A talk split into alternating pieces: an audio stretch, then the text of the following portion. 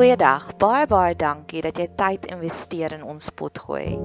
Ek hoop werklik waar jou blydskapsvlakke verhoog terwyl jy hierna luister.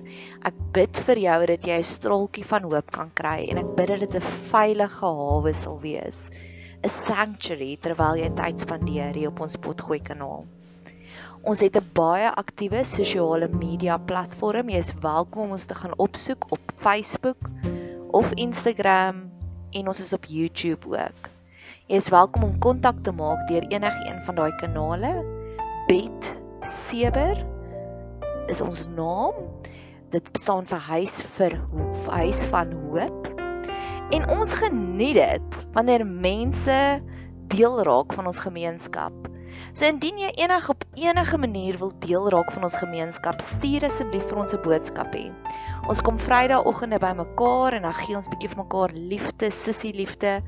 Jy's welkom om deel te raak van ons gemeenskap deur om hierdie potgoeie te deel met jou vriende en familie of jy kan lekker kreatief raak om deel te raak van ons laat daai kreatiewe juices bietjie vloei. Ek het op nou onlangs gehoor van 'n ander potgooi kanaal wat vertel het die persoon het vir haar koek gebak om hulle verjaarsdag te vier. So laat jou kreatiewe juices vloei.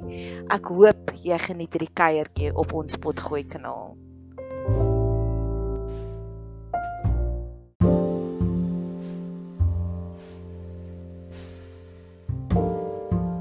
Beloftes vanuit Jesaja. Jesaja 40. Nou Jesaja 40 is waarskynlik een van my gunsteling hoofstukke in die hele Bybel. 7 jaar terug het ek intens na die Here gaan soek. Ek het deur een groot trauma gewerk. En ek het Namibië toe gegaan. Ek het daar gaan bly vir 'n week lank by 'n beraader. En op die laaste dag voordat ek sou terugvlieg, het ek myself gaan doop in die koue koue see en dit was een van die grootste lewensveranderinge wat ek nog ooit in my lewe beleef het. Ek is vandag nog 'n groot sosiale vlinder, 'n socialite. Maar net nadat ek gedoop is, het ek baie romanties in die woestyn gaan sit vir 3 ure. Die persoon wat my gedoop het, het vir my gesê Jesaja 40 het by haar opgekom. En ek het my Bybel gevat en vir 3 ure lank in daardie woestyn gaan sit en gaan huil en gaan bid en Jesaja 40 oor en oor en oor gelees. Ek het hierdie brandende honger te begeerte gehad om intense Bybelstudie te doen. En vandag, 7 jaar later, 8 jaar later eintlik. Hierdie jaar is dit 8 jaar later. Het ek nog steeds hierdie intense begeerte, iets wat ek nooit van tevore gehad het om intense Bybelstudie te doen nie. Bybelstudie en dis een van die podcasts wat op my lysie is om te doen is oor Bybelstudie. Dis my gift wat die Here vir my gegee het en ek doen dit nie omdat ek oulik is nie, ek doen dit omdat God my inspireer. En dit alles begin by hierdie hoofstuk, Jesaja 40.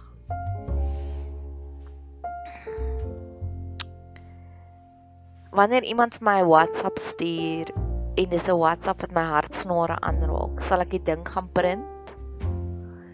Of ek sal 'n journal teen my muur. Boodskappe op WhatsApp se meer gediktes as voice notes is regtig vir my iets wat my hartsnare aanraak. En dis ook die Bybel sien. Ek sien die hele Bybel is die hele WhatsApps, miljoene WhatsApps wat God elke dag vir ons stuur om te sê dis ek ek dink aan jou ek dink aan jou en dis wat ek graag vir jou wil doen. En 'n WhatsApp het hierdie week ook my lewe verander want op hierdie stadium is ek 4 maande later waar ek weer 8 jaar terug was.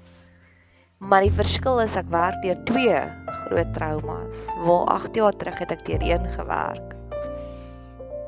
En dit gaan herhalende tema wees in hierdie podcast waaroor ons gaan gesels. In hierdie week het 'n WhatsApp my lewe verander want een van die traumas waartoe ek deurwerk is 'n groot en ek wonder baie keer of gaan ek 10 jaar of 20 jaar later of aan die einde van my lewe sê daai was die liefde van my lewe. Die verhouding het nie uitgewerk nie en dit was met baie geloof wat ek die verhouding aangepak het. En ehm um, op 'n stadium met mense wat lief is vir my het my probeer sê ek gaan vir jou date reël. Hulle het Capiro gespeel want dit is 4 maande later. En ek's 38 jaar oud. En ek het nog gedroom om getrou om te trou. So mense wat baie lief is vir my het my op dates gestuur. En ek het verlede week het ek besef dit is so onregverdig wat ek tans doen want ek verlang nog na die ander een. En ek het die kommunikasie gestaak. En die rede hoekom ek verlang het na die een, die ou een, die ex een versus die nuwe een. Want ek het al die triggers gehad en ek het al die oomblikke gehad wat net hy sou verstaan en ek het nie geweet wat om daarmee te doen nie. En in hierdie week het ek 'n trigger gehad na die nuwe een met wie ek 'n week terug die kommunikasie gestaak het en ek het myself gedink daardie sal nou 'n oomblik wees wat ek nou graag met hom wou deel, maar ek gaan nie weer daai deur oopmaak nie. En op daai selfde oomblik wat ek daardie gedagte gehad het, het hy 'n foto gestuur van die plek waar ons heel eerste keer mekaar ontmoet het en gesê ek sit weer hier en drink 'n cappuccino en ek dink aan jou. En is een boodskap alles kon verander het hoeveel te meer kan God se woord nie doen nie. So ek vat daardie oomblik van 'n WhatsApp wat regtig waar my lewe verander het. En ek sê Here, ek wil dieselfde ervaar wanneer ek Bybelstudie doen. Soos daardie WhatsApp 'n groot verandering gemaak het. Jesaja 40 vers 1 Troos, troos my volk, sê julle God. mag God ons meer en meer kom troos. So verlede jaar September toe die bom gebars het, toe het gevoel het my lewe spat uitmekaar uit. Het ek op 'n stadium vir al my vriendinne vir wie ek die liefste is, het ek 'n boodskap gestuur want hulle het agtergekom daar's iets wat nie lekker is in my lewe nie. En ek gesê ja, julle tel reg op. Ek is nie op 'n lekker plek nie en dit en dit het gebeur. En dadelik daarna het my een vriendin geantwoord en gesê ek kom nou na jou toe. En 'n dag later het 'n ander vriendin vir my 'n boodskap gestuur. Sy sê 'n refleksioloog en gesê ek môre kan jy na my toe kom dan vryf ek jou voete verniet. En dit was daardie oomblikke van troos, troos wat hulle my getroos het, wat ek glo wat hulle my opgetel het en opgebou het of vriendinne wat beraders is wat dadelik vir my tyd gemaak het en hulle prop vol programme mag ons daagliks dit kry waar ons mense kry wat ons troos oor ons hartseer. Mense wat sê ek hoor jou, ek sien jou en dis aaklag. Mense wat 'n drukkie gee, mense wat tyd maak vir jou. Mense wat bemoedigende woorde spreek, mense wat incheck by jou om te sê dis 'n dag later hoe voel dit met jou. Een van die mees kosbaarste advies wat ek al gekry het was die oomblik wanneer jy hoor iemand gaan deur 'n rouproses soos 'n paar maande terug het een van die prinsessies met wie ek journey het my boodskap gestuur haar man is verlede week oorlede. En ek het notas gemaak op 1 maand wanneer hy oorlede is, op 2 maande en elke keer wanneer ek die notas sien in my dagboek dan stuur ek vir haar boodskap: "Hallo, dis vandag 'n maand later. Ek wil net hoor hoe gaan dit." Want baie kere is daar soveel energie en soveel aandag in die eerste paar weke en dan fuzzle dit uit. En dis jy's 'n maand 2, maand 3, maand 4 wanneer die regte hartseer daar is. Dis my gebed. Here, ek weet ek kan net uitdeel dit wat ek eerstehands ontvang het. Leer my asseblief daagliks nuwe maniere hoe ek medesissies kan troos. By my werk is daar 'n persoon wat regtig deur 'n moeilike tyd gaan en ek sien dat sy word nie getroos nie en ek bid ook in besonder vir haar nou want omdat sy nie getroos word nie word sy so 'n bietjie van 'n manipuleerder by ons werk. Mag ons vir almal bid wat manipuleerders is want ek glo manipuleerders is maar net omdat niemand het hulle getroos nie. Ek het in die week het ek ook 'n podcast geluister oor burn-out. En ek glo dit is om ons burn-out, ons brand uit want daar was niemand wat ons getroos het toe ons hartseer was nie. Baie kere sal die Here met my praat deur liedjies. En gisteroggend toe ek wakker word, was die liedjie Hy mevrou Brown, dit gaan goed. En dis waar ek tans is, ek word getroos. En ek wil vir jou die liedjie die eerste paar lirieke stuur, sing. Nee, nie sing nie, toe maar ek kan nie sing nie. Sê. Ek vat dalk die pad Kaap toe, miskien Suidwes. My mense bly op Otjo, maar op Mars is waar ek woon. En dis wat gebeur wanneer jy deur 'n trauma gaan. Jy kan Kaap toe gaan, jy kan Suidwes gaan. Jy voel eintlik jy bly op Mars want niemand verstaan nie, maar jy het mense, jy het mense wat daar is en daagliks deur enige trauma, deur deur enige insident, al is daar nie trauma nie, het ons hierdie keuse. Gaan ons Kaap toe, gaan ons Suidwes toe. Watse roete wil jy volg vandag? Troos. Mag ons nuwe maniere leer van troos en mag God ons troos vir al ons traumas, selfs die dinge wat ons nie eers besef het wat in ons lewe gebeur het nie.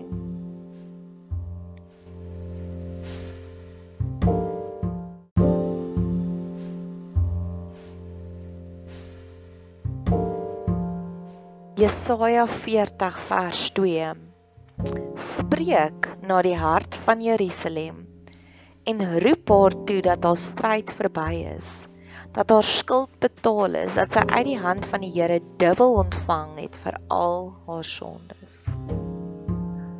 So daar's 3, daar's 3 baie kragtige beloftes in hierdie een. Spreek na haar hart. Mag God daagliks na ons harte spreek. Wat dit beteken wanneer iemand na jou hart spreek. Baie kere sê jy hoor dat mense sê ek weet dit, ek weet dit, ek weet dit, ek weet. Dan weet ek God het in haar hart gespreek want sy staan so vas op hierdie ferm geloof dat dit is die volgende ding wat sy moet doen. Spreek na haar hart beteken iemand wat hardkoppig is wat besluit het dis wat hulle wil doen. Dis nie 'n airy fairy fuzzy ball van jy glo die een oomblik so en die volgende oomblik so nie. Spreek na haar hart. Dit is soos diep ingemessel in jou binneste, in jou menswese. Ek is 'n Montigenes.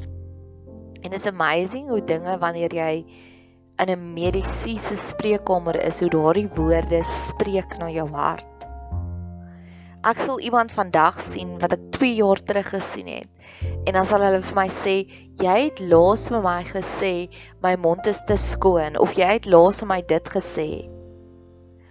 Partykeer sê mense dinge en ons vergeet dit dadelik. Ander kere hou mense 2 jaar lank vas aan daardie woorde. My een pasiënt vertel vir my, Haar seentjie het gesê, "Kan hulle asseblief weer na my toe kom?" En sy het vir hom gesê, "Ja, maar hoekom?" En hy sê, "Ek is nou moeg om vir 2 minute lank te borsel. Dalk as ek weer gaan, gaan sy sê ek hoef net vir 1 minuut lank te borsel." Vir 2 jaar lank het daai kind 2 minute lank geborsel en ek het gelag en ek het gesê, "Nee. ek gaan nooit sê jy hoef nou net vir 1 minuut lank te borsel nie." Spreek na haar hart. Partykeer sê mense vir ons woorde wat so lank aan ons vasbly.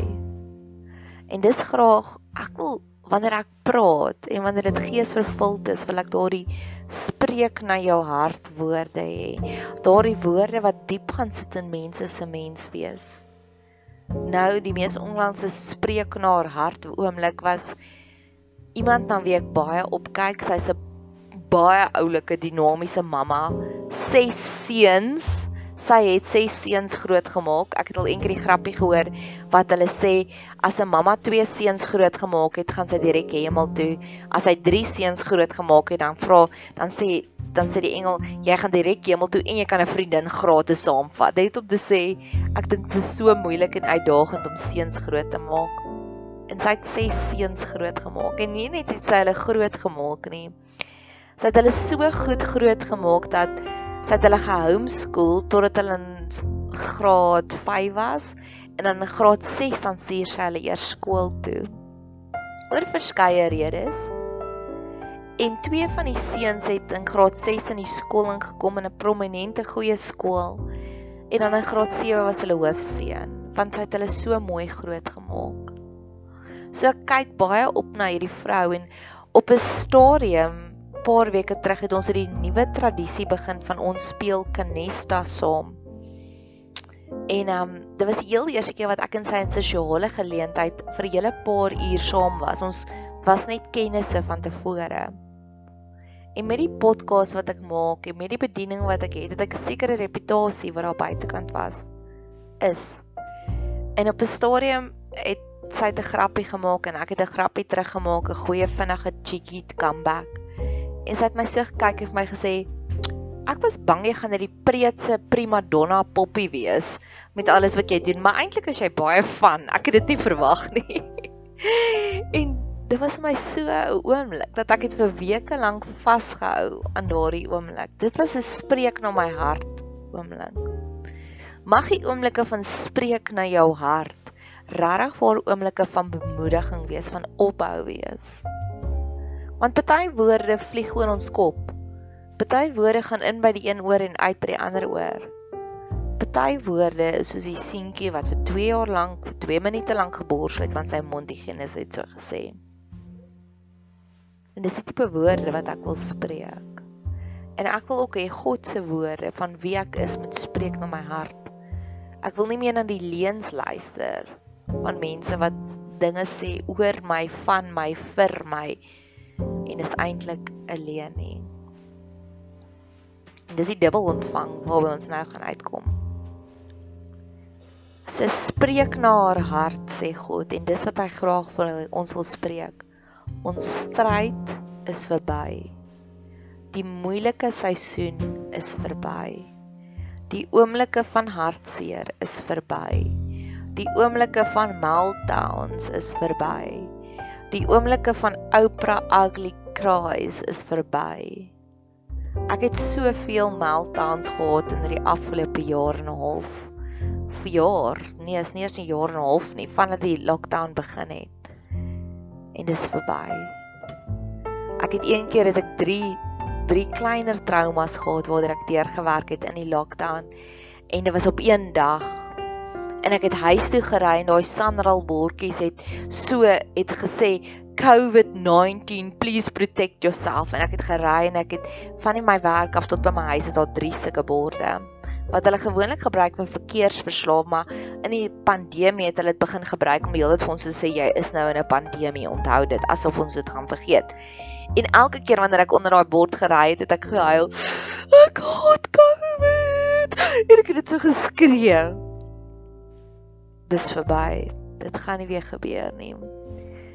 Verlede week was ek en my vriendin ook baie oorweldig en um ek het 'n baie vieslike vloekwoord vir haar gesê om te sê my dag is so. En um en sy het gesê toe maar hare ook sy huil al die hele oggend en ek het vir haar gesê kom ons doen 'n Oprah ugly cry sessie saam en sy het gesê is reg.